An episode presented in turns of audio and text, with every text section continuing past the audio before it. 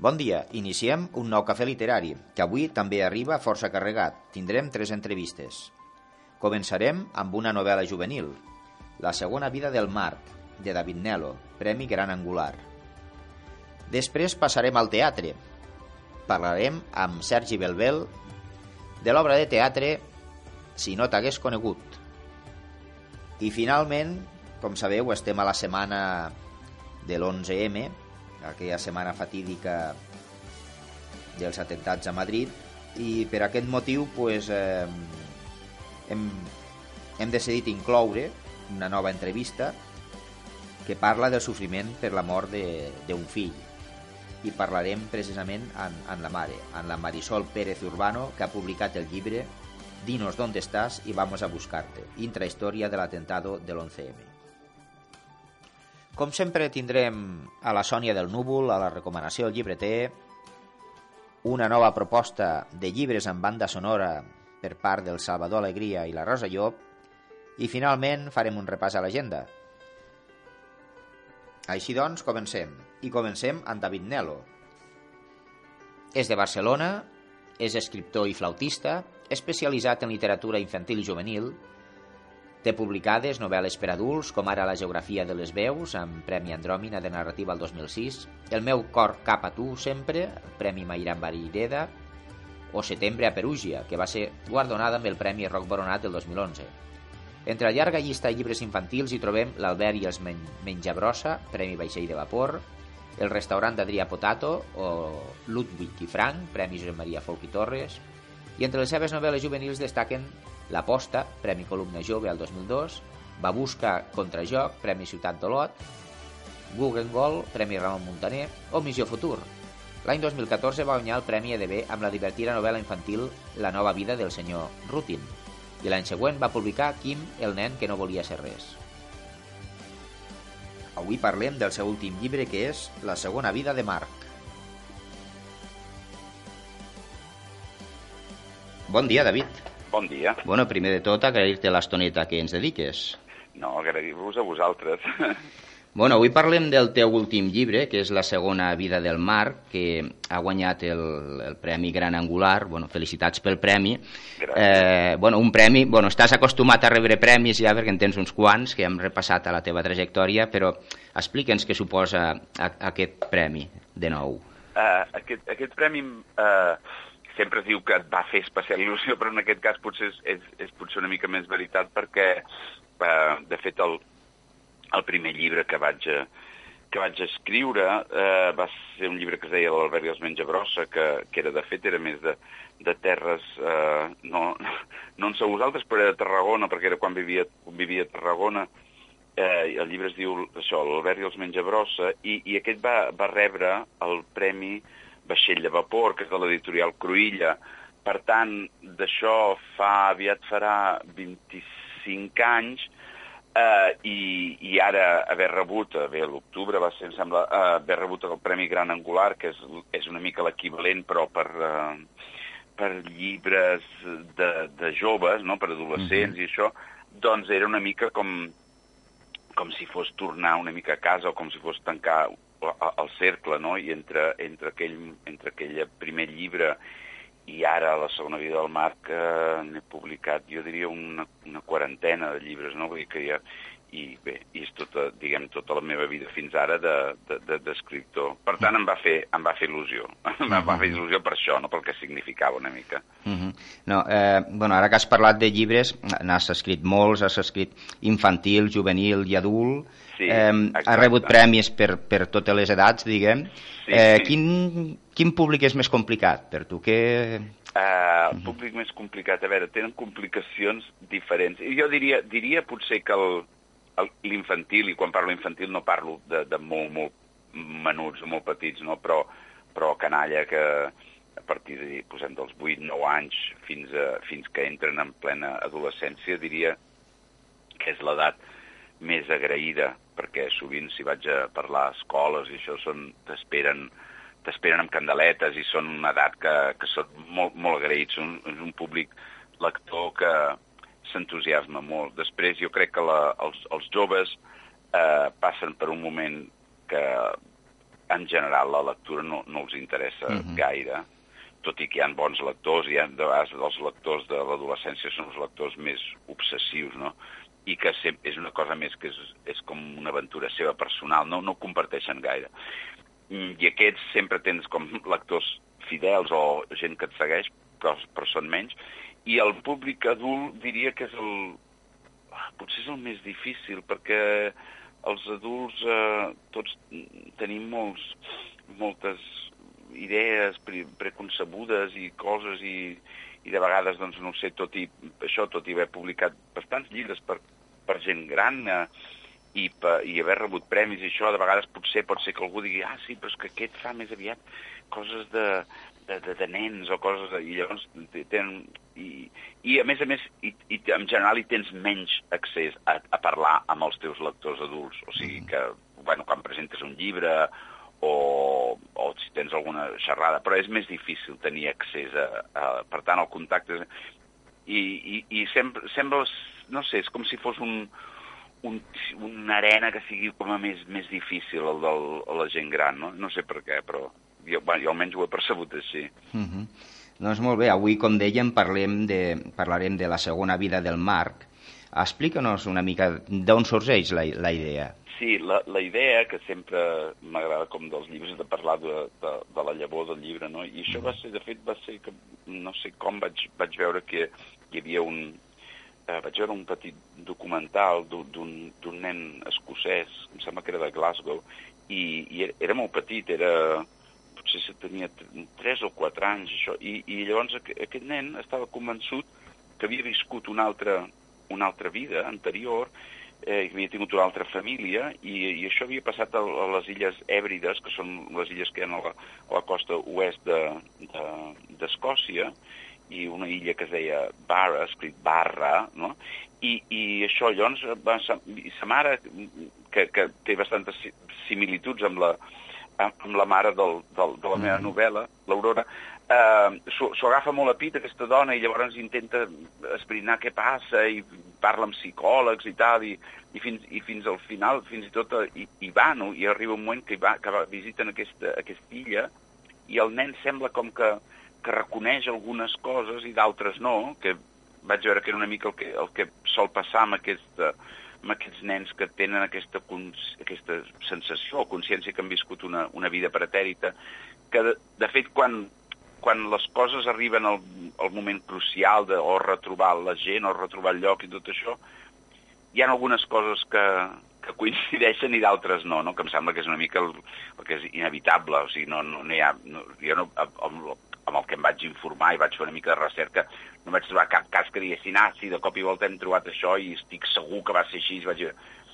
Eh, això va ser una mica la, va ser la, la llavor, no?, la idea. Uh -huh. I llavors jo ho vaig traslladant, en, en el meu cas vaig traslladar a la història aquesta del, del, del Marc, que és el nen, després l'Abel, que és el, és el, el, el cangur, que li fa de cangur, que és l'adolescent que ho explica, és el narrador també, uh -huh. i sa mare, que és l'Aurora, i això llavors m'ho vaig portar cap al, al meu terreny, no?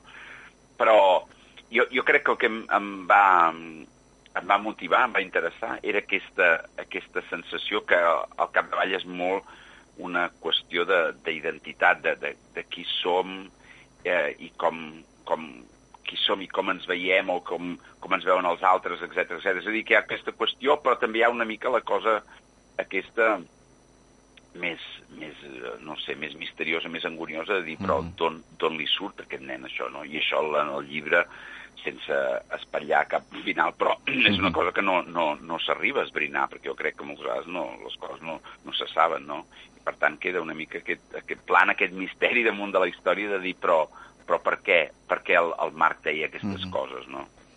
Mm -hmm. Sí, precisament, bueno, has parlat dels tres, dels, tres, dels tres protagonistes, que són l'Abel, eh, aquest noi de 18 anys que sí. troba aquesta feina de cangur, eh, sí. l'Aurora i el Marc, i curiosament l'Aurora, eh, tot, i que ser, tot i que és psicòloga, doncs no, sí no, no hi creu, no? És a dir, no, no, li, li trau que, importància, no? Exacte, jo crec, perdó, jo crec que justament no hi creu perquè és psicòleg i perquè està una mica especialitzada mm -hmm. en, en tota aquesta feina de la, de la memòria, no? I quan, I quan diu que la memòria és molt, molt traïdora i que, de fet, te la pots, te la pots confeccionar sense donar-te, no? Jo crec que ella això ho, ho té molt clar, no? Per tant, per tant, no, no, és, un, és una cosa que no, no, no, no li interessa, no? I, i, i, i, i, i a l'altre extrem hi ha l'Abel, que ell es, es, es va quedant com fascinat amb aquesta mm -hmm. història i en realitat jo crec que ell sense, sense voler, però també com posa llenya al foc en, en, en el marc, no? de dir, bueno, va, però això, i no, i li pregunta i vol saber i tot això. Per tant, d'alguna manera, amb bona, amb bona fe, però jo crec que ell ho enreda bastant la troca, l'Abel, no? perquè hauria pogut deixar i no, no sé què hauria passat, però, però en canvi ell amb això, no?, de, de, de voler saber, i doncs llavors, eh, clar, complica, complica la història, no? Mm -hmm. no també l'Abel se troba una mica al mig, tant del, del xiquet com, com bueno, de, del, de, de l'exmarit, no? Hasta eh, fa allí una mica de... Sí, de, sí una mica, sí. De fet, jo crec que, jo crec que això també va, va suscitar una mica de, de, de, de, de comentaris o de o preguntes per part de, també d'alguns membres del jurat o alguna vegada algun, algun periodista, això, no? De, perquè jo crec que es, es fa bastant palpable, es fa bastant evident que l'Abel en, aquest, en el seu paper de, de cangur i en aquest, aquesta casa que, que hi ha l'Aurora que fa de, efectivament fa com de, de, de mare, diguem-ne, no soltera, però de mare sola, perquè el, el, el marit ha, ha marxat i no s'ha massa entès, no?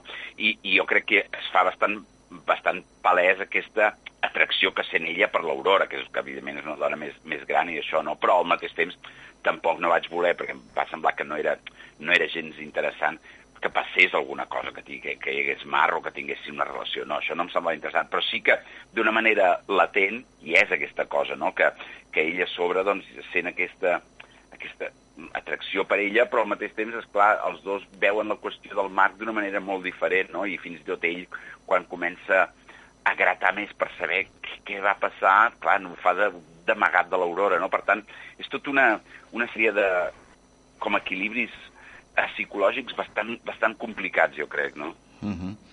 I també un altre, un altre tema que simplement lo cites, que és la, eh, una miqueta el tema de l'homosexualitat tant amb algun dels companys, de, un company de, sí, del teatre. Amb el, sí, amb el seu company, que ell està estudiant la Bel, bueno, perquè la gent se situï, no? que està ell estudiant a una escola de teatre, i llavors hi ha, hi ha un, un company seu que són bons amics i que i que bueno, més o menys com se li, se li declara i tal.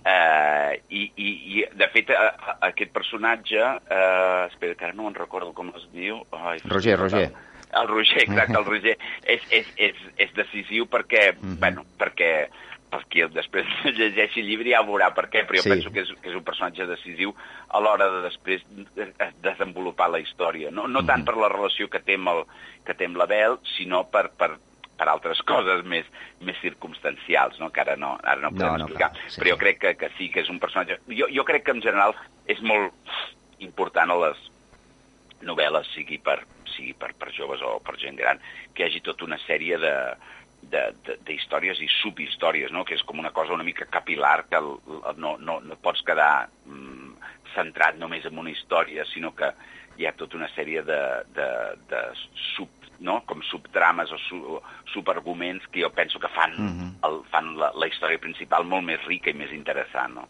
-huh. no, llavors, clar, l'Abel va investigant amb la seva amiga el tot el tema de, de la reencarnació i, i fas cap precisament a, la, a, a Tarragona, bueno, a Torre d'Embarra i, sí, i aquell sector, sí, i també, sí, sí. curiosament, vos parles dels pastissets de Tortosa, i això m'ha sí, quedat, el CD per aquí baix m'ha quedat.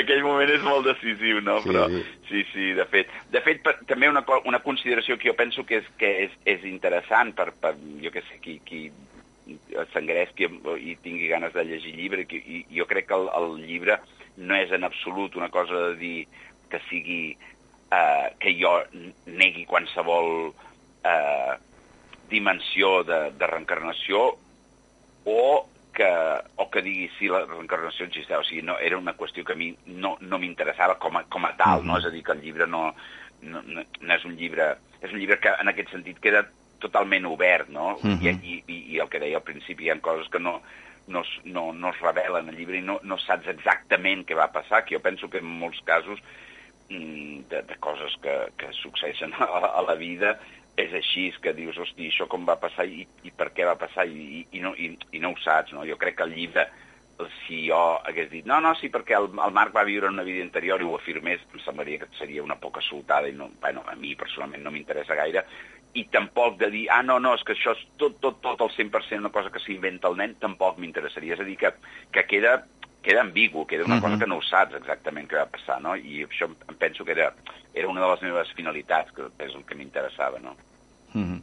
I també la importància del destí, no? que no, no es pot evitar sí, el destí. això sí, exacte, sí, sí, això sí, exacte, i molt bé, i, i això s'entrellaça amb, potser amb, bueno, un, al, al, al principi una espècie de petita introducció d'un moment que, que està ell ja després de tots els fets que han passat, i és això de dir, hosti, fins a quin punt, quan, quan hem d'intervenir, ho fem o no ho fem, i fins a quin punt això pot canviar pot canviar les coses o no, no? I aquí això seria com una altra, seria com una altra dimensió de, de, de, de discussió o, o d'argument que, que, que també jo penso que la, la, la plantejo i la, i la llanço i la deixo oberta, tampoc vull dir que no, però és evident que, que, que és una qüestió que tots hi hem pensat tantíssimes vegades de dir, oh, si, si, si hagués fet això o hagués deixat de fer-ho, què hauria, què hauria passat, no? Seria, les coses haurien, s'haurien desenvolupat així o d'una altra manera. Jo crec que això és una cosa que tots ens, ens neguiteja bastant, no?,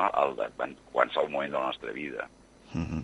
I aquests dubtes de, de part de la Cati entre que hi ha després de la mort, no? Eh, també són temes que van sorgint sí, clar, al llarg d'aquestes preguntes existencials, no? Sí, que... uh -huh. exacte, exacte. Jo, jo, jo, jo crec que, no sé, diria que uh, el, eh, els lectors joves eh, bueno, és una edat de la, de la vida com totes, però jo diria que la, la, això, l'adolescència, això hi ha moltes coses que, que et preguntes i que no, no, tens, no tens gens de resposta, però sí tens molta inquietud. Després mm, jo crec que la, potser la gent, eh, bueno, et vas, potser et vas quedant una miqueta més, quan ets eh, adult i això, més amb, de dir, ah, les coses són així i ja està. Però jo crec que quan ets jove hi ha molta, molta inquietud de dir, ostres, però això com pot ser, com pot ser, no? I aquesta, aquesta inquietud jo crec que, que es, veu, es veu reflectida en, en aquesta novel·la, no? I crec que és una cosa que és, que és interessant, que d'alguna manera sembla que després la gent, quan estigui més gran, potser sí que amb algunes coses guanyen una mica de, de seny, però amb unes altres es queden una miqueta més, com més morts, no? I aquesta cosa de... No?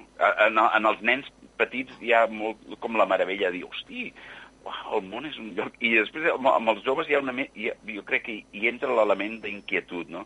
I després la gent gran, més o menys, bueno, si tens sort fas una mica de pausa, amb, fas pausa amb la vida i d'altres no, però... mm -hmm. Sí? Sí, sí. Digue, ah, vale, vale. No, no. No, és que pensava que s'havia tallat. No, no, doncs molt bé, ara ja estem arribant a la recta final d'aquesta entrevista. Estem parlant amb David Nelo de La segona vida del Marc, editat per Cruïlla, Premi Gran Angular.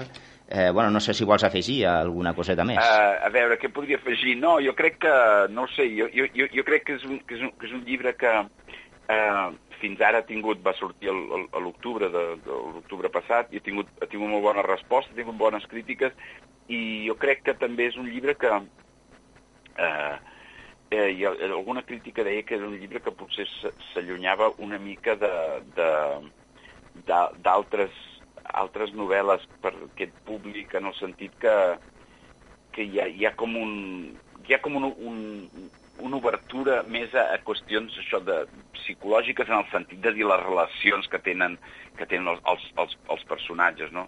I, i, i, i per tant també això l'han llegit eh, coneguts eh, grans, diguem de gent gran, adults, i, i els, els ha interessat força.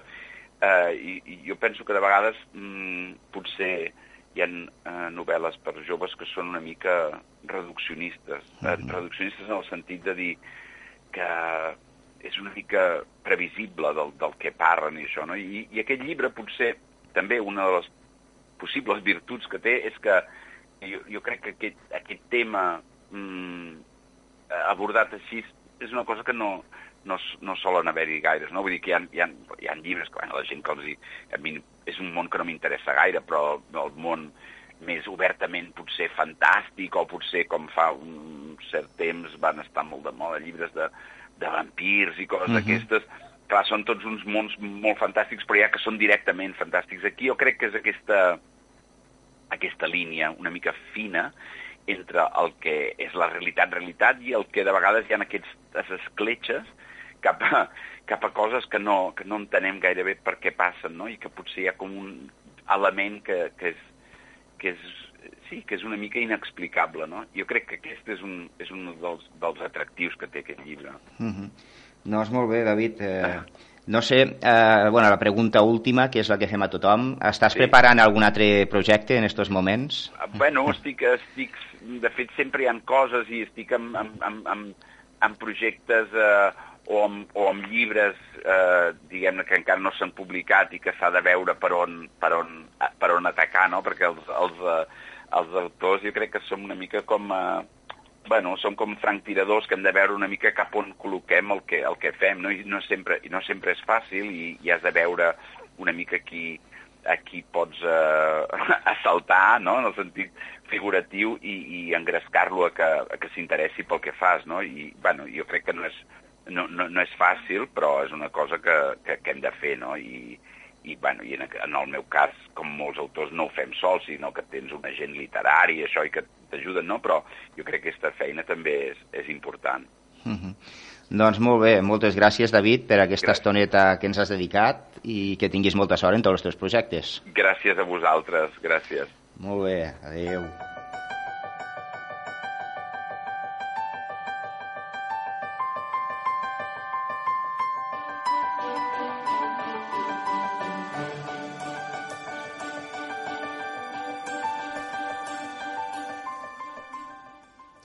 Molt bé, i ara continuem el nostre cafè literari amb teatre. Parlem amb Sergi Belbel. Sergi Belbel és de Terrassa, és autor, traductor i director teatral, llicenciat en Filologia Romànica i Francesa a la Universitat Autònoma de Barcelona, ha estat professor de dramaturgia a l'Institut del Teatre de Barcelona, director artístic del Teatre Nacional de Catalunya del 2006 al 2013 i actualment és president del patronat de la Fundació Sala Beckett. Entre les seves obres destaquen Elsa Schneider, Tàlem, Carícies, Després de la pluja, Morir, La sang, El temps de Planck, Forasters, Mòbil, A la Toscana, Fora de joc, Les roses de la vida i avui parlem de la seva última obra, Si no t'hagués conegut. I al tractar-se d'un escriptor i dramaturg, hem, en aquest cas hem demanat l'ajuda del nostre company Salvador Alegria, com sabeu, director de teatre, que serà ell qui farà pues, l'entrevista.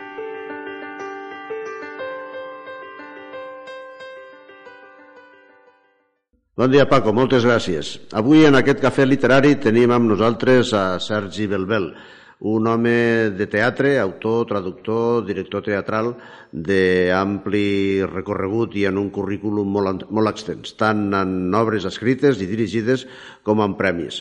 Però avui ens centrarem amb el seu darrer treball, un treball que porta per nom Si no t'hagués conegut. Eh, Sergi, bon dia. Hola, bon dia. Mm, per què aquest títol?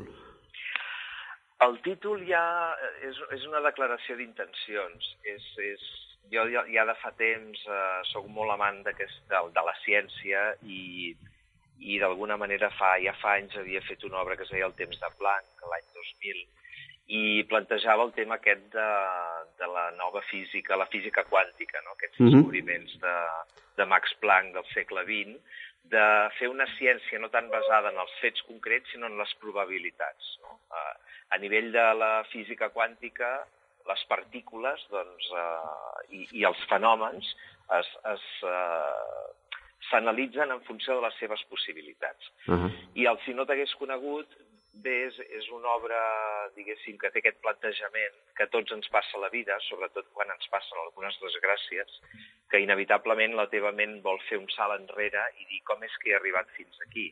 Doncs perquè en aquell moment vaig optar per aquest camí. Llavors la ment es dispara de seguida i penses per què no vaig agafar aquell altre camí. No? Per tant, és aquest tema de les possibilitats que ens ofereix la vida a partir de les tries successives que anem fent, eh, tant vitals com personals. L'obra, en, en síntesi, la podríem qualificar com una història d'amor. Sí, és una història d'amor. Sí, de fet, eh, en el subtítol, per, per no enganyar d'alguna manera, eh, bé, una mena d'epígraf a sota del títol, poso, poso que és una fantasia romàntica. Més concretament, fantasia romàntica quàntica. Això t'anava a dir, romàntica quàntica, que és una mica el que ens explicaves abans de, de, de les partícules. Sí, sí, sí, sí, sí. De fet, quan per una ment de lletres com la meva, tot i que a mi de petit m'encantaven les ciències i alguna cosa d'aquestes ja també dit a l'obra, uh -huh. eh, quan llegia coses que jo no hi entenc, però llegeixo coses de divulgació científica, i quan llegia aquestes coses de les partícules, que, que un fotó de llum a través d'un forat pot anar a patar a sis llocs diferents uh -huh. i, i d'alguna manera no se sap per què va a una banda o per què va a una altra, clar, se t'obren un, dramatúrgicament, per un autor de teatre se li obre un ventall no?, de possibilitats. Quan tu eh, imagines un argument, sempre el fas en funció d'uns personatges que decideixen i fan coses. Per tant, que triï aquell camí, que triï aquella línia d'acció, doncs té unes conseqüències, a partir d'aquí s'obren unes altres perquè el destí, eh, evidentment, juga un paper fonamental en, el, en les nostres vides, però sí. eh, són altres també els que propicien potser allò que anomenem destí? Sí, jo crec que això que anomenem destí és una cosa ben estrany, perquè mm, jo no crec ni en l'atzar pur ni en la predestinació. Jo crec que tot és molt més complicat i que moltes coses, les decisions que prenem comporten necessàriament unes conseqüències molt concretes i a vegades n'hi ha d'imprevisibles, a vegades n'hi ha d'accidentals. No? I, clar, la vida jo, jo crec que està composta per tot, per tot això. No? Perquè tu sempre et diuen, tu creus en el destí o creus en la tria, de, de, de, que som lliures, no? I, i creus en el lliure arbitri, no? que els, en el siglo de oro deien sí. eh, el, el, el, aquest, aquesta predestinació, no? I jo no, no ho tinc clar, sincerament. Jo penso que en l'obra s'explora aquesta cosa de, la, de les possibilitats, però també hi ha una fatalitat que inevitablement arriba, perquè el, el, el personatge intenta evitar un accident, però l'accident es, es va reproduir. No, es, no, succeeix, no es succeeix, tri el camí que tri, d'alguna manera, sí. no? perquè mm, a vegades dona la impressió, o m'ha donat la impressió llegint, llegint l'obra, que, mm, que la vida es pot mirar d'una de, determinada manera, eh, sobretot si tenim en compte aquest sí condicional del títol, no? Què passaria si, i, i, i si hagués passat una altra cosa, que és el que, lo que apuntàvem abans, no? I llavors també m'ha donat la impressió de que és, és somni o és realitat, no?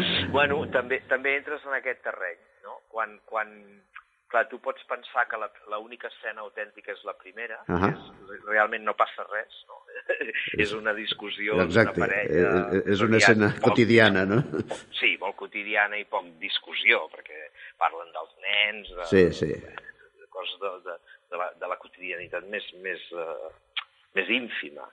I a partir d'aquí, amb una confusió de deixa'm el teu cotxe, no te'l deixo, es genera un, un terrabastall. No? I a partir d'aquí bé, eh, pots pensar que tot, el, tot aquest eh, recorregut que ell fa enrere per no conèixer la seva dona pot ser el producte d'una ment que s'ha quedat encallada per aquest fet traumàtic. Uh -huh. De fet, jo conec a la vida persones a les quals els ha passat una cosa terrible i s'han quedat allà, no? I, i les veus que necessiten tractament psiquiàtric i que necessiten... Sí.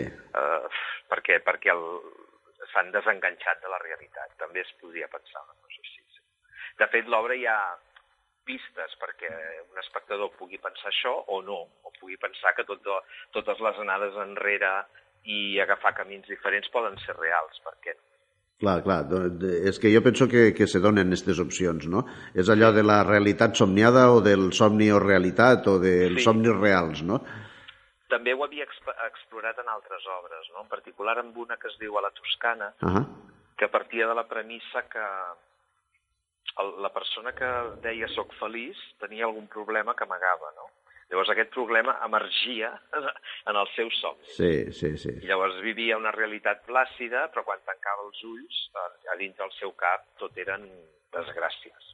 Sí, eren coses ben, ben diferents. També hi ha, sí, també hi ha aquesta dualitat no? entre el que, què és la felicitat o, o aquesta recerca de, de la felicitat que moltes vegades eh, té un punt absurd, no? perquè de tant buscar-la no aprecies les coses més petites que tens al voltant i són les que segurament com composen aquesta felicitat. Exacte.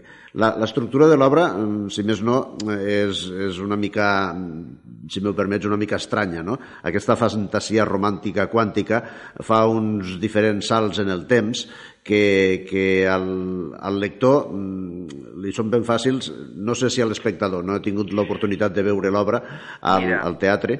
Clar, en català no, no, la vaig convertir en una sèrie de televisió que es va sí. de veure a TV3, però sí. en castellà sí que l'he muntada. I de fet ara, ara torna a estar en gira, per, i a, a Catalunya només fan un bolo que serà a, perdó, a Castelldefels uh -huh. el mes de maig. Però per altres zones d'Espanya i la vam preestrenar justament la setmana passada a Vitoria.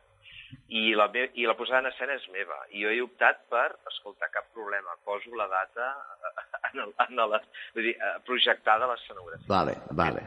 És vale. molt simple, claro. la, la posada en escena és una paret blanca i dues cadires sí, sí, i es sí. va projectant sempre l'any els anys que tira enrere a partir d'aquell punt perquè l'espectador no es perdi, perquè no estigui 5 minuts pensant, però això què és? Sí, sí, veritat. En canvi, el joc de l'actor d'un lloc a l'altre va automàticament. Ah, molt bé, molt bé. Encara que sigui 20 anys enrere. És, és una cosa de, del que anomenem acting, no? de la manera sí. d'interpretar. Sí, L'actor sí. està a l'escena 2 compungit perquè ha perdut la seva dona i els seus fills i es trasllada 20 anys enrere i senzillament fa un canvi d'actitud i està a la universitat a punt de conèixer la seva dona perquè els personatges, ja que anomenes això, eh, m'han donat la, la impressió d'estar de, de, immersos en una sèrie de desil·lusions personals, en una, una, una mena d'incertesa, diguéssim, no? Sí.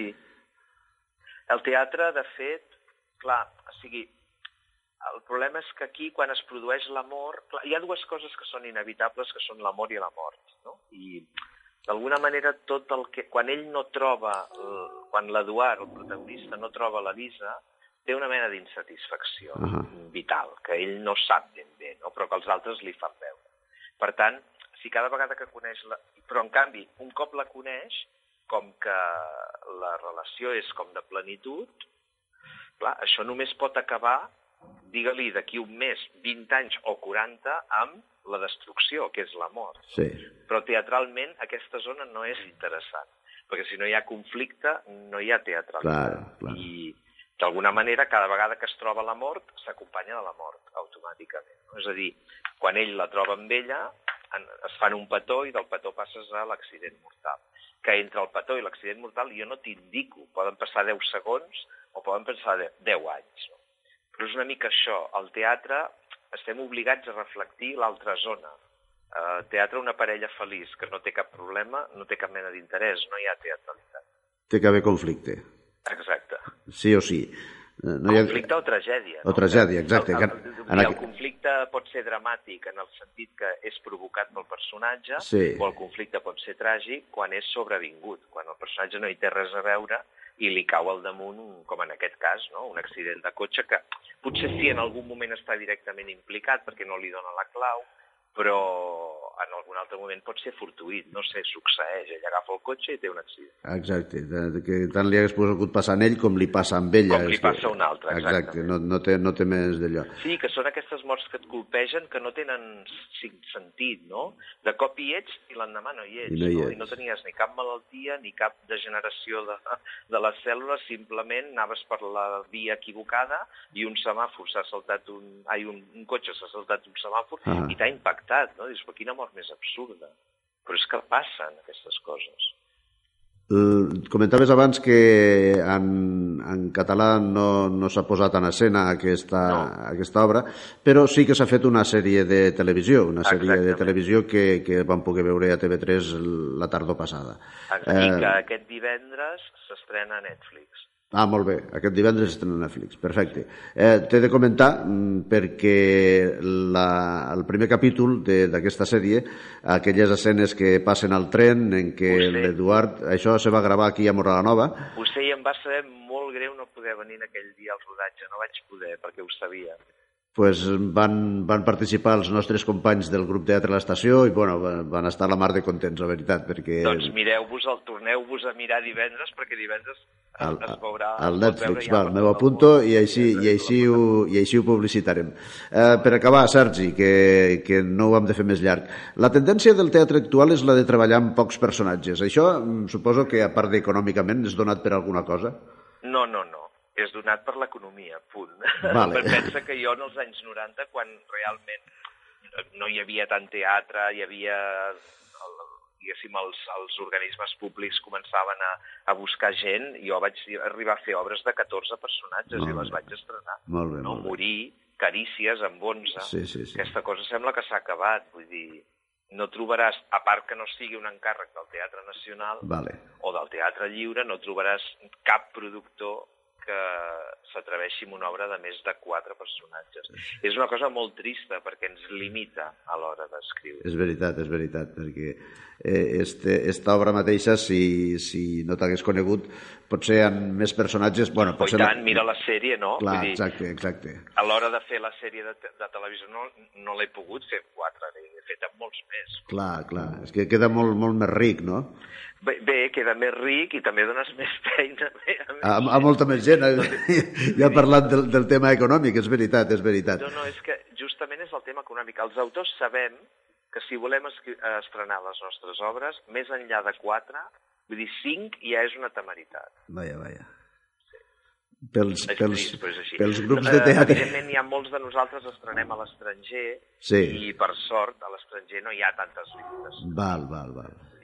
Però, clar, també tens ganes de, quan escrius una obra, estrenar-la primer a casa teva. Eh, sí, no, home, és, és lògic, és lògic. Sí, sí, sí. Pel, pel que fa als grups amateurs sí que t'he de dir que mm, és una llàstima perquè sempre hi ha molt, normalment, eh, sempre hi ha molts més actors que quatre i llavors Sí, lo, sé. los directors amateurs ho tenim una mica cru a l'hora de buscar una obra o triar-la o de trobar-la. No? clar, jo quan vaig ser director del Nacional vaig impulsar un projecte que es deia T6 i vam arribar a fer escriure les obres per nou, nou actors. No? Molt bé. I durant quatre anys, doncs, el Jordi Casanovas, la Cristina Clemente, el Josep Maria Miró i tal, van poder escriure obres per nou espectadors. No? Em semblava que des del Teatre Nacional s'havia de, de, de, de, de, prom de promoure l'escriptura d'obres de més de dos o tres personatges. I, però jo crec que a partir del 2011 o així això ha quedat allà i la crisi econòmica ha estat molt severa i ha causat molts estralls a, a la nostra professió i mira, una de, de les conseqüències és aquesta. És aquesta, és aquesta.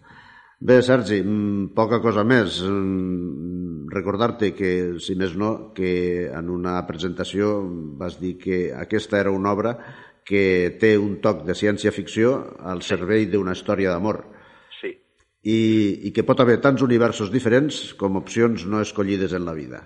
Exacte. Aquesta, esta- aquesta va ser la premissa tant de l'obra de teatre com sobretot de la sèrie de televisió, Uh -huh. que quan, quan nosaltres triem una cosa a la vida, hi ha un altre jo que ha triat l'opció contrària. Per tant, també la gràcia de poder imaginar i poder visualitzar aquests altres Eduards, en aquest cas, o tu o jo, que en altres universos han pogut doncs, ser coses diferents i obtenir coses diferents al llarg de, dels seus camins vitals. Sense oblidar que aquesta és una història d'amor, me permetria, per acabar, eh, llegir-te la, la cita que tu ficaves, fiques a la, al començament de l'obra. Els amants no es troben finalment en cap lloc concret, són un dins de l'altre, des de sempre. De Jaludin Rumi, poeta persa del segle XIII. Exactament. Molt bonica, eh? molt bonica, esta cita. Sí, perquè és una mica el resum de tot, no?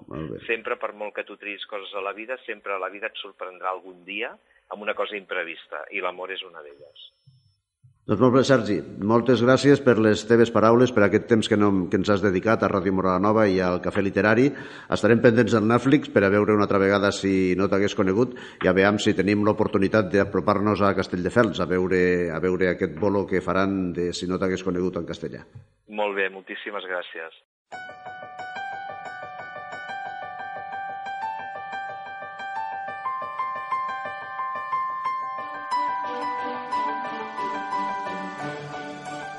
I continuem el nostre cafè literari, ara amb la tercera entrevista parlem amb Marisol Pérez Urbano de Dinos donde estás y vamos a buscarte.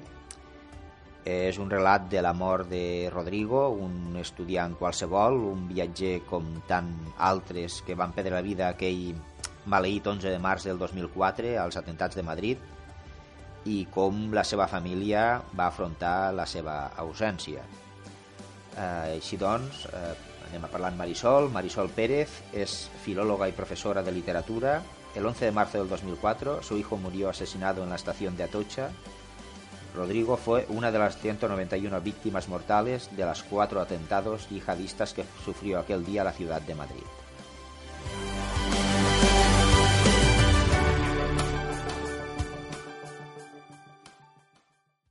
Eh, hoy hablamos de, del libro que has publicado, que es Dinos dónde estás y vamos a buscarte, intrahistoria del atentado del 11M. Eh, explícanos un poco por qué decides eh, escribir este libro. La verdad es que yo seguía agobiada porque mucha gente mm, sigue pensando que hay algo oculto y extraño en los atentados que se llevaron a nuestro hijo. Incluso hay algunos, los que tienen menos filtros, que me dicen que cómo podemos vivir sin saber quiénes fueron los asesinos. Yo creo que después de casi 100.000 páginas de investigación que tienen las sentencias y de todo lo que nosotros hemos investigado también nosotros, pues es que realmente no hay no hay tal, pero la propaganda sí que ha conseguido que la gente sencilla piense que sí. Yo no me voy a poner a convencer a los sectarios porque no, no hay manera, ¿vale? Y es que ni lo intento, no pierdo ni un segundo. Pero me molesta que gente muy sencilla, muy buena, realmente piense que, que los que están en la cárcel no lo hicieron y que todo es un montaje, un montaje raro, raro difícil de explicar, tan complicado que por pura navaja de Ockham es imposible. Últimamente han vuelto a sacarlo, ahora ya solo hay unos puntos por ahí que no se saben. Esta, bueno, esta semana es la semana de que ya hace un 15 años de los atentados de, del 11M. Eh, ¿En qué situación se encuentran las familias de las víctimas eh, en estos momentos? Pues, claro, yo puedo hablar de los que conozco, no los conozco a todos. Yo sé que los dolientes, que cada uno lo lleva como su carácter o su, su saber vivir. Entonces hay algunos muy, muy, muy tocados que, van a peor. Eh, todos sufrimos las ausencias. Hay heridos que se han recuperado. Hay heridos que también están empeorando. Eh, sobre todo las dolencias de audición y las dolencias psicológicas muchas están empeorando. Así estamos. Eh, eh, ¿Cuándo empiezas a escribir el libro? Porque es incorporas, pues bueno, varios bitácoras y, y, varias cosillas que nos indican que, bueno, desde hace mucho tiempo que, que vas escribiendo, ¿no? Pues lo he escrito hace poco. Uh -huh. Aparte de lo que ya has comentado, de que muchos textos están escritos en el momento, uh -huh. lo que es nuevo es la línea desde el presente que lo va contando, uh -huh. que, lo va, que va uniendo todos esos textos. Eh, tenía muchísimo material. Cuando lo puse todo junto eran más de 200.000 palabras y yo sabía que un libro no podía ocupar tanto, así que lo reduje a 90.000 y aún así pues yo tengo muchos textos escritos a, en segunda persona. Uh -huh. En el libro, uh, bueno, haces una demostración pública de, de intimidad emocional sí, que ha debido ser pudor, muy ¿eh? difícil, ¿no? Sí, sí, pues ahora todo el mundo sabe eso. Era algo que yo mantenía en... Uh -huh. eh, partía. Uh -huh. También, bueno, a lo largo del libro también nos explicas todo el proceso del juicio eh, y también, pues, cómo,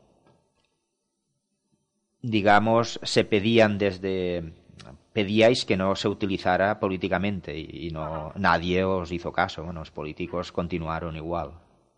Siguen igual. Uh -huh. Realmente de lo que estamos pidiendo es empatía. Que cualquiera que se ponga en tu lugar no haría bromas uh -huh. de este asunto, pues de la misma manera no lo utilizaría. Y no solo hablo de las víctimas del terrorismo, hablo de cualquier víctima, porque hace poco también se ha intentado utilizar a un pobre niño muerto como comparación desagradable. Las víctimas ya tienen, ya tenemos suficiente con nuestro dolor. Precisamente por, eh, por todo esto y por todas las deficiencias y este olvido por parte de las administraciones surge la, Asociación Víctimas del 11M, que debió ser una gran ayuda, ¿no? A ver, la asociación se llama Afectados. Asociación 11M es Afectados de Terrorismo, que hay otra asociación 11M que se dio después y además conspirativa, entonces, por favor, no quiero que me confundan. Eh, sí. es verdad, las asociaciones nos ayuda, la asociación nos ayuda muchísimo, aunque solo sea conocer a gente que le está pasando lo mismo, pero luego la unión hace la fuerza. Fuimos juntos a los juicios y bueno, pues luchamos por mantener la asociación, por ayudar a los que lo están pasando mal.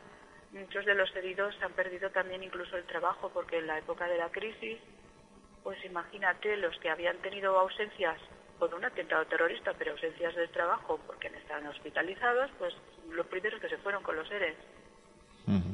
La asociación incluso llena neveras que hay momentos en los que los socios lo están pasando mal hasta ese punto. Y una víctima de terrorismo debería tener un poquito más de ayuda. Eh, nos pones como subtítulo del libro Intrahistoria del atentado del 11M, porque realmente, pues bueno, no es no es un libro de historia, es, no, es nos explicas cómo lo vives, esta angustia de, de aquella espera sin saber nada, y como, como recuerdas y aparte pues todo el proceso de, de judicial ¿no? claro yo no tengo la osadía de ponerme a escribir la historia no soy historiadora eso lo puede hacer bien un especialista incluso un periodista pero contarlo desde desde dentro desde cómo se siente una víctima me parecía que podía ser interesante. Por lo que me contaban otras víctimas que me leían cuando compartíamos entre nosotros que podía ser que, les parecía que no escribía mal, pues esa fue la razón. También nos explicas cuando nace el blog de blog de Roll Trigo para un poco explicar las, las cosas que ibais haciendo sin bueno con la falta de, Rodrigo. Claro, era como incluirle en nuestra vida.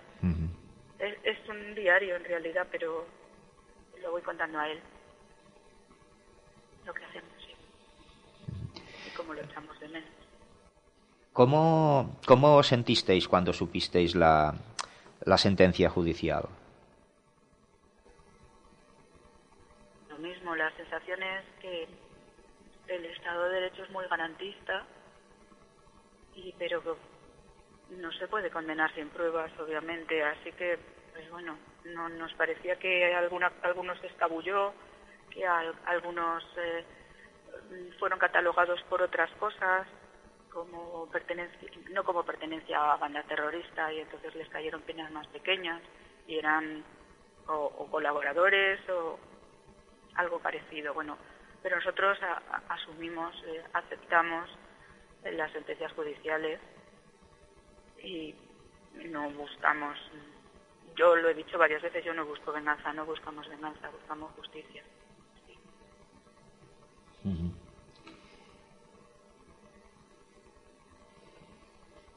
Mm. ¿Sí? ah, vale, vale, vale. Es que ahora eh, creía que te había perdido durante un momento. Eh, bueno, eh, pues a lo largo del libro, como, hemos, como nos has explicado, pues introduces partes de vida privada y tal. Y también nos hablas en un, en un capítulo que aparte también allí se mezclaron el duelo porque los, la muerte de, tus padres, ¿no? que también pudo, pudo, pueden, pueden verse afectados por, por la muerte de Rodrigo. ¿no? Claro, es un libro de duelo. y va siguiendo todas las fases del duelo. Los amigos que lo leen dicen que al principio lloran. Claro, es que cuando más lloraba yo y como está escrito en, en esos momentos, Eh, detrás de, mi, de Rodrigo se fue mi madre. En unos pocos meses había desarrollado un cáncer de pura angustia, yo creo, y, y eh, justo un año después murió. Y mi padre, después de cuidarla todo ese tiempo, porque ella tenía un cáncer, quedó tan débil que medio año después una bacteria pues se lo llevó en una semana. Así que tenía un duelo triple y cada uno acentuaba al otro y fue dificilísimo. Incluso un año después mi suegro. Yo creo que las personas mayores es que fue un mazazo. Yo también sentía que me había debilitado mucho y ellos, claro, pues ya tenían setenta y tantos, ochenta y tantos, pues mi suegro pues se fueron detrás. Bueno, eh, estamos hablando con Marisol Pérez Urbano del libro Dines donde estás y vamos a buscarte, intrahistoria del atentado de, del 11M, duelo y denuncia de las víctimas, publicado por Indicios. Em,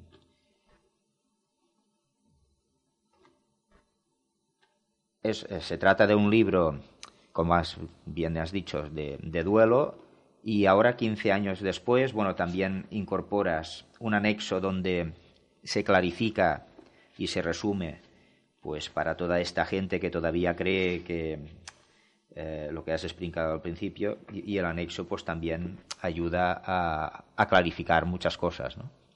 Son los hechos probados en la sentencia judicial. En ese mismo orden, con unos con unos em, notas que eh, unos periodistas del país ponían que encontraron a, uno de los que se volaron en Leganés unas llamadas, una, especie de escritos a su familia, que, que me parecía que podía ser interesante. Pero sí, viene todo resumido, porque ya me he dado cuenta de que mucha gente no lo sabe. Yo estoy rodeada de jóvenes, mis alumnos, perdón, no eran pequeños, o ya directamente. Sí, sí, realmente, pues... Eh... Les comenten, porque claro, comprendo que es triste. Así que no saben, no saben si realmente todavía yo soy el primero ¿eh? soy el primero que sí que seguías un poco las noticias pero claro había allí tanta ah, ocultación política y entre pitos y flautas pues claro que ibas un poco perdido y este libro a pesar de que no lo he podido leer en profundidad por, por el tiempo pero sí que es verdad que ha clarificado varias cosas y es un libro duro y que explica pues bueno este proceso de duelo, em, un poco el resumen de la carátula es que cómo se enfrenta a la muerte de un hijo de un joven de 20 años con toda la vida por delante. Es posible volver a vivir sin miedo, superar el estrés postraumático tras un atentado terrorista. ¿Cuánto dura un duelo si algunos medios pasan años removiendo cada detalle y se usa a las víctimas como arma política? Un poco el primer parágrafo del resumen del libro. Eh, bueno, no sé si quieres añadir alguna cosa más, no, no he querido profundizar demasiado porque animo a los lectores y a los oyentes que lo pueden adquirir, que les ayudará pues a clarificar muchas cosas sobre estos atentados del 11M y además pues a todas aquellas familias que han podido sufrir algún trauma pues también es, es útil, ¿no? Sí, yo creo que Mm, encontrar alguien que está pasando un duelo o que ha pasado un duelo, sea cual sea tu, el origen del tuyo, pues te, hace empatizar y, comparar y, purificar tu sufrimiento. A mí me ayudaba a estar con otros dolientes. En ese sentido, como, como texto de duelo sí que puede ayudar en mi modesta con mi modesta aportación. Respecto a que recoge todo lo que sucedió, es verdad que mucha gente muy bien informada, amigos, me decían que no tenían visión de conjunto suficiente porque la actualidad siempre es muy rápida y siempre va llenando de noticias distintas y te hace perder el hilo. Entonces que esto les había dado una visión de conjunto importante. Eso también era lo que pretendía con el libro. Y finalmente, como me dices que, que si quiero decir algo más, pues me gustaría terminar con algo optimista y positivo, a pesar de que cuento cosas tan terribles, pues puedo decir que hay mucha gente muy buena gente desconocida que se ha acercado en las presentaciones a darme un abrazo y que a pesar de que haya gente que remueva con maldad esto por fines políticos, a, pesar de que haya gente malvada que se dedique a matar a otros mm, por afanes, mm, no sé, mesiánicos extraños, como hacen los yihadistas. A pesar de todo, pues. ¿Sigue, ¿Sigues escribiendo en estos momentos? sí, yo llevo escribiendo siempre. A Rodrigo le sigo escribiendo. ¿Habrá un más adelante? ¿Habrá un otro nuevo volumen? Madre mía, no sé, yo. Eso está muy lejos de mi pobre imaginación. Yo soy una novata en cuestiones editoriales. Agradezco mucho la editorial que se arriesgara conmigo, porque esto es un libro raro. Sí. Ujú. ¿Fue, te, fue, ¿Te fue difícil publicarlo? ¿Perdón? Sí, ¿te fue difícil encontrar una editorial que te lo publicase? Pues sí, ya casi estaba pensando yo mm, hacer una autoedición, porque los de ensayo no lo veían suficientemente ensayo, Ujú. y los de novela pues no lo veían ficción. Y estaba ahí. Pues bueno, muy O bien. alguna editorial quería que quitara toda la crítica política y dejara solo el diario de duelo. Sí. Pues bueno, eh, por suerte pudiste encontrar eh, esta editorial, Indicios.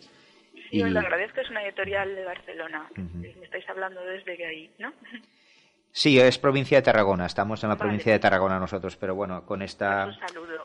con esta editorial y, y- y, eh, la persona responsable de prensa, que es la Mariola, eh, hace tiempo que nos conocemos y colaboramos muy a menudo y, y por eso pues siempre, siempre nos, nos invita a poder hablar con los autores de, de los libros y con todas las novedades.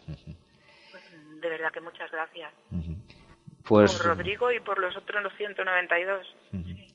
Pues bueno, gracias a ti por, por contarlo, por compartirlo con nosotros. eh, que tengas mucha suerte en todos pues, tus proyectos y bueno, hasta otra. Muchas gracias. Siempre que me habláis de suerte, me llega a la cabeza. mm, No, todo el dinero que me pueda corresponder como autora va a la asociación. No soy capaz de quedarme ni un céntimo por contar nuestro dolor. Pues muy bien, además un libro solidario. Y muchas gracias. Pues muy bien, gracias y hasta otra. Bueno, Un saludo. adiós. Adiós. Sabies que amb el carnet de la teva biblioteca pots accedir a qualsevol altra biblioteca pública de Catalunya? Ara tot és més fàcil. El carnet de la teva biblioteca t'obre la porta de tota la resta. 337 biblioteques, amb llibres, revistes, CDs i DVDs que et pots endur a casa amb préstec. Ets un dels 3 milions d'usuaris de les biblioteques públiques de Catalunya o encara no les has descobert? Perquè llegir ens fa més lliures. Departament de Cultura i Mitjans de Comunicació.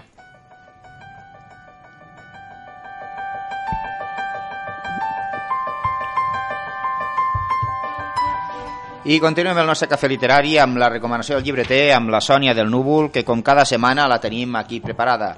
Bon dia, Sònia. Bon dia. Què tal, com estem? Bé, bé. Bueno, Immersa no. ja en els preparatius de Sant Jordi. Molt bé, molt bé. Nou pentinat, mos portes nou pentinat avui? és el vent, és el vent. És el vent, ah, vale, vale, bueno, pues...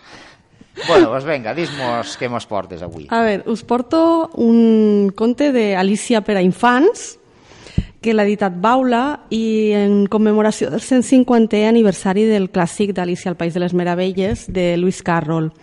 La història, que tothom coneix, va ser publicada per primer cop el 1890 eh, i aquesta Alicia per a infants va ser la primera edició en color adaptada especialment per a nens petits. Lewis Carroll va reescriure i simplificar el relat original per a que fos més fàcil d'entendre i publicat 25 anys enrere i quan el va tornar a reeditar en John Daniel va tornar a dibuixar 20 de les seves emblemàtiques il·lustracions del conte original. El resultat d'aquesta col·laboració entre els tots dos és una deliciosa experiència que convida els infants a gaudir alhora amb les imatges i el relat, una mica més en l'estil dels contes eh, que es porten avui en dia, per això creiem que tindrà molta acceptació.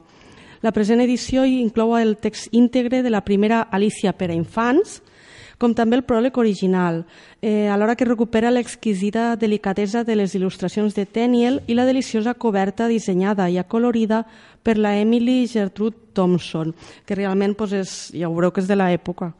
És una coberta amb uns dibuixos pues, així molt clàssics on apareixen els personatges principals, la- l'Alicia, el conill, ja ho veureu. Molt bé, molt bé. I diuen que continua sent una esplèndida introducció a Alicia que captivarà lectors de totes les edats.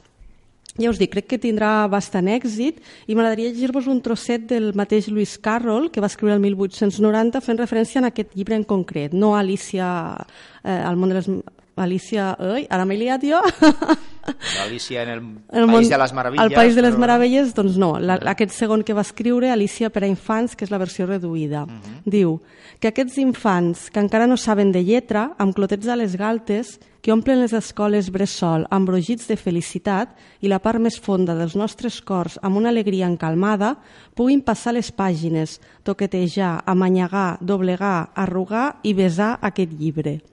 Vull dir que veieu que el va escriure expressament pensat per als, per als més petits. Molt bé, molt bé.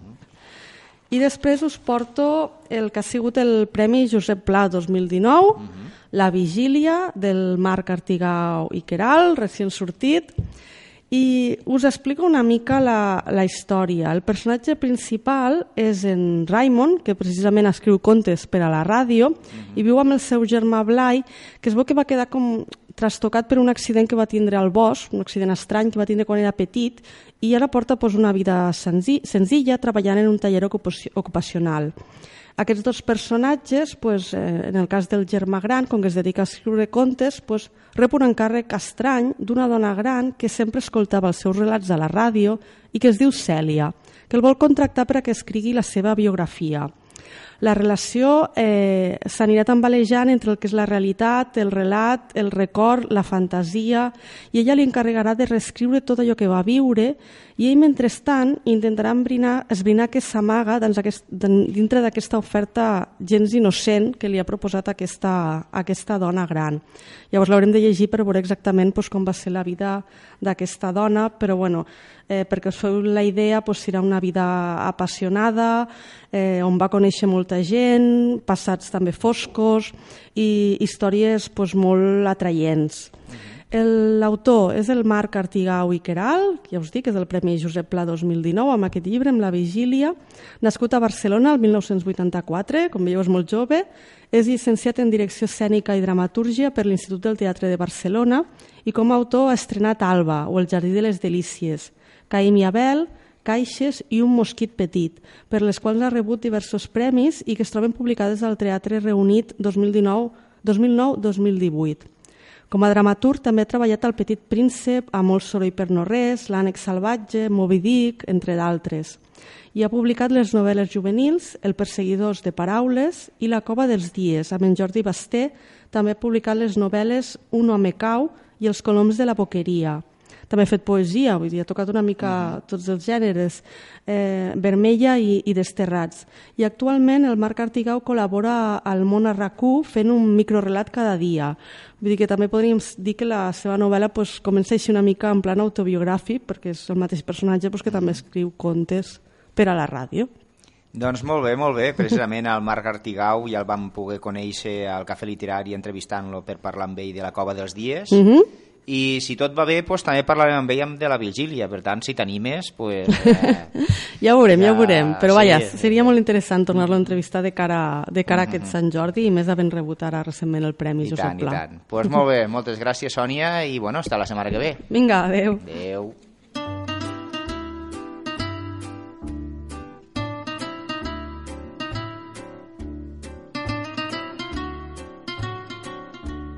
Llibres amb banda sonora. Coneix les bandes sonores de les millors adaptacions al cine de grans obres de la literatura. Això és Llibres amb banda sonora, un microespai que incloem al Cafè Literari i que tot seguit comencem.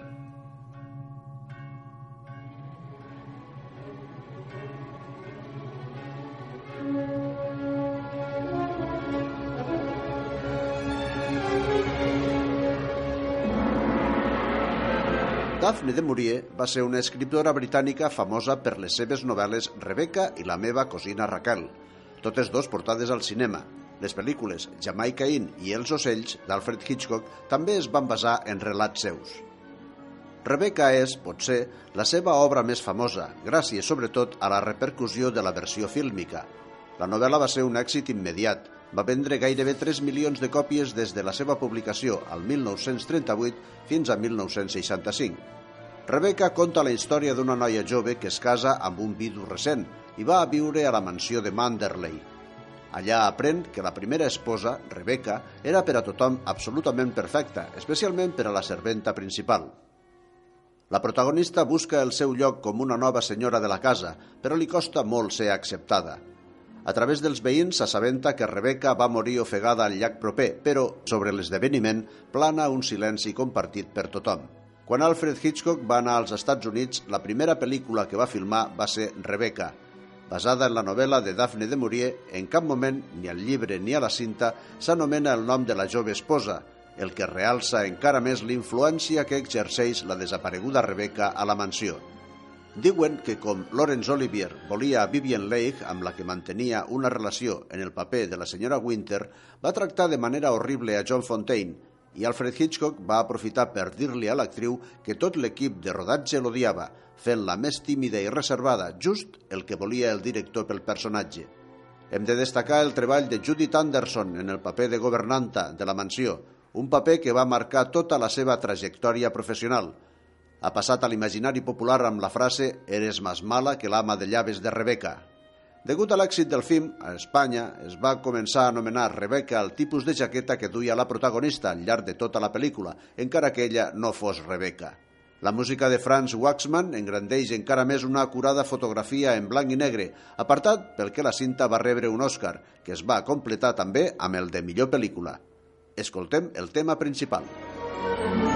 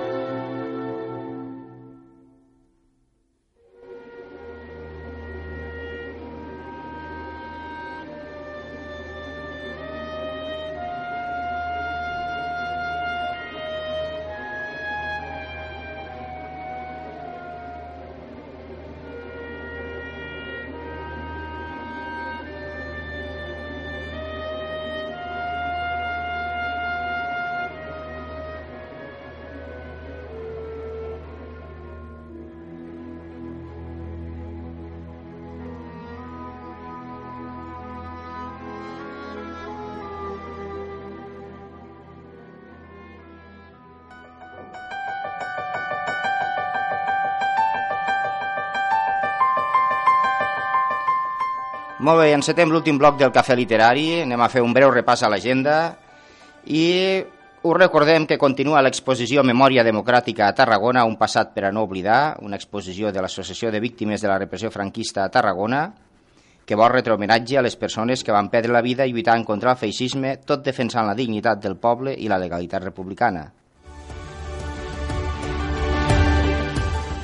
I avui mateix a les set i mitja hi ha una xerrada sobre el monument de la batalla de l'Ebre de, de Tortosa del 1966 a càrrec de Javier Esté, que és catedràtic de Geografia i Història, i ens explicarà, entre moltes altres coses, que Mora Nova va tindre un paper important en aquest monument. Demà també, demà divendres a les 7 de la tarda, una nova trobada al Club del Lettering. I demà també a la mateixa hora, a les 7 de la tarda, a la sala d'actes de l'Ajuntament, xerrada de primers auxilis en infants, dirigida a famílies, docents i cuidadors en general. A partir de la setmana que ve continuen les converses en anglès, ja ho sabeu, tots els dimecres, de 7 i mitja a 8 i mitja a la biblioteca. Dimecres vinent també a la biblioteca a les 6 i mitja de la tarda hi ha un taller de programació infantil amb Scratch, ja us podeu inscriure. I a les 3 i mitja, dimecres que ve, també hi ha una jornada de portes obertes a l'Institut Escola 3 d'abril. I també a Mora Nova, com tots els dissabtes, ja s'ha iniciat el torneig de futbolí al local dels descarrilats. Tothom qui vulgui participar, tots els dissabtes hi ha el torneig de futbolí al local dels descarrilats. Ara anem cap a Mora d'Ebre perquè continua la mostra de teatre amateur aquest dissabte dia 16 a les 10 de la nit, 14a mostra de teatre amateur en l'obra Fins al darrer mot d'Alexander Ballester. Una obra tan vigent com quan va ser escrita, o més, molt més, ja que el tema és el pas de la dictadura a la democràcia sense que res canvi. Us en podeu ben riure d'aquests esdevenidors que surten avui per la tele. Qui la va endiminar de ple fou n'Alexandre, que ja al 68, precisament al 68, retratava la situació del 1998, estat de setge al País Bas, repressió de la policia a Felànix, una Constitució que consagra l'Estatut Quo Franco, espanyol arreu, etc etc. Més autopistes, això sí, més, i això també. Una representació a càrrec del grup de teatre El Trole de Reus. El preu de l'entrada són 5 euros.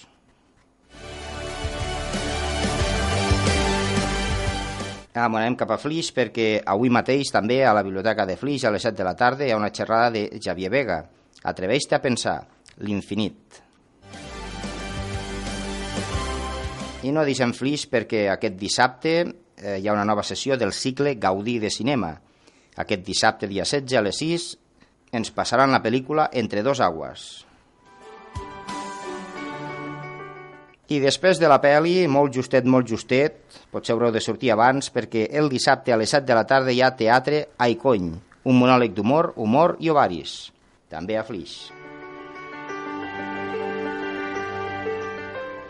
Ara anem cap a Ribarroja, perquè a Ribarroja aquest dissabte a les 7 de la tarda, Copa de Lletres, a la segona planta de l'Ajuntament de la Casa de la Vila, hi haurà la Copa de Lletres amb les lletres de Josep Ramon Bach, Carles Casador, Montserrat Aloi, Albert Claramont, acompanyat de les cerveses de Clic amb Briu. I a més, si voleu aprofitar la tarda de dissabte, a les 5 de la tarda, abans de començar el Copa de Lletres, hi haurà la visita guiada per Riba-roja.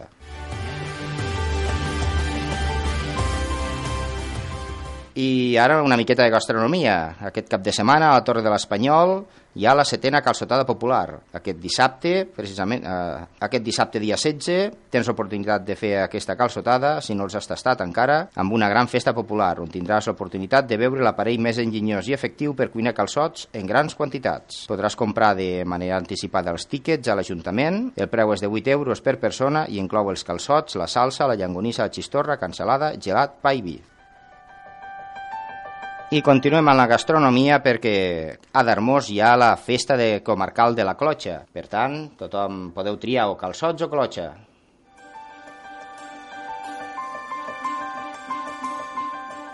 Ja anem cap a Benissanet perquè a Benissanet aquest dissabte a les 10 del matí hi ha un reconeixement d'herbes, plantes, flors i remeis amb la col·laboració de Sònia Miró.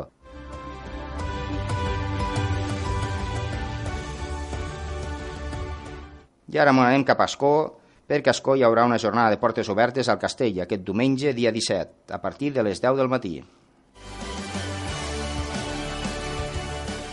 I, com sempre, acabem en cinema. I en aquest cas, el cinema posa Flix, ja l'hem esmentat, és el cicle Gaudí, a més hi ha teatre, i a Ascó, aquest diumenge a les 6 de la tarda, ens arriba El vicio del poder. ¿Qué dices? Quiero que seas mi vicepresidente. Tienes que ser tú. Eres mi vice. Bueno, George, yo... Soy presidente de una gran empresa. He sido secretario de defensa y también he sido jefe de gabinete de la Casa Blanca. La vicepresidencia es un puesto principalmente simbólico. Pero si llegáramos a un acuerdo ah, diferente, aceptaría. Podría encargarme de tareas mundanas. Supervisar las administraciones, el ejército, la energía y la política exterior. Sí, vale. Eso me gusta.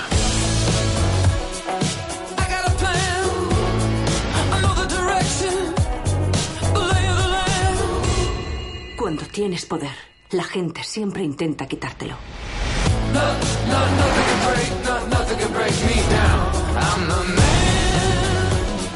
¿Te has vuelto aún más despiadado?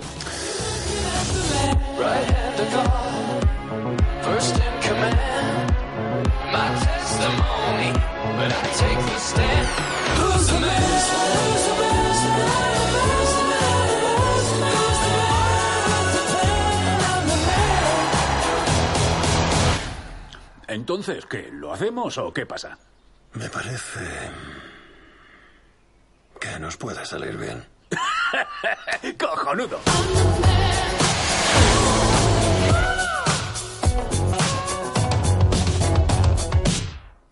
Doncs molt bé, aquesta és la pel·lícula que ens arriba per aquest diumenge a la tarda a Escó, El vicio del poder, una pel·lícula americana dirigida per Adam McKay, protagonitzada per Christian Bale, Amy Adams, Steve Carell i Sam Rockwell, entre altres, i és un, un drama, un, un drama biogràfic dels anys 60 sobre política. La pel·lícula explora la història real sobre com Dick Cheney, interpretat per Christian Bale, un buròcrata de Washington, pues acaba convertint-se en l'home més poderós del món com a vicepresident dels Estats Units durant el mandat de George Bush, amb unes conseqüències al seu país i a la resta del món que encara es deixen entreveure avui en dia. Una pel·lícula que, segons la pàgina web que consultem, la Film Affinity, està puntuada amb un 7.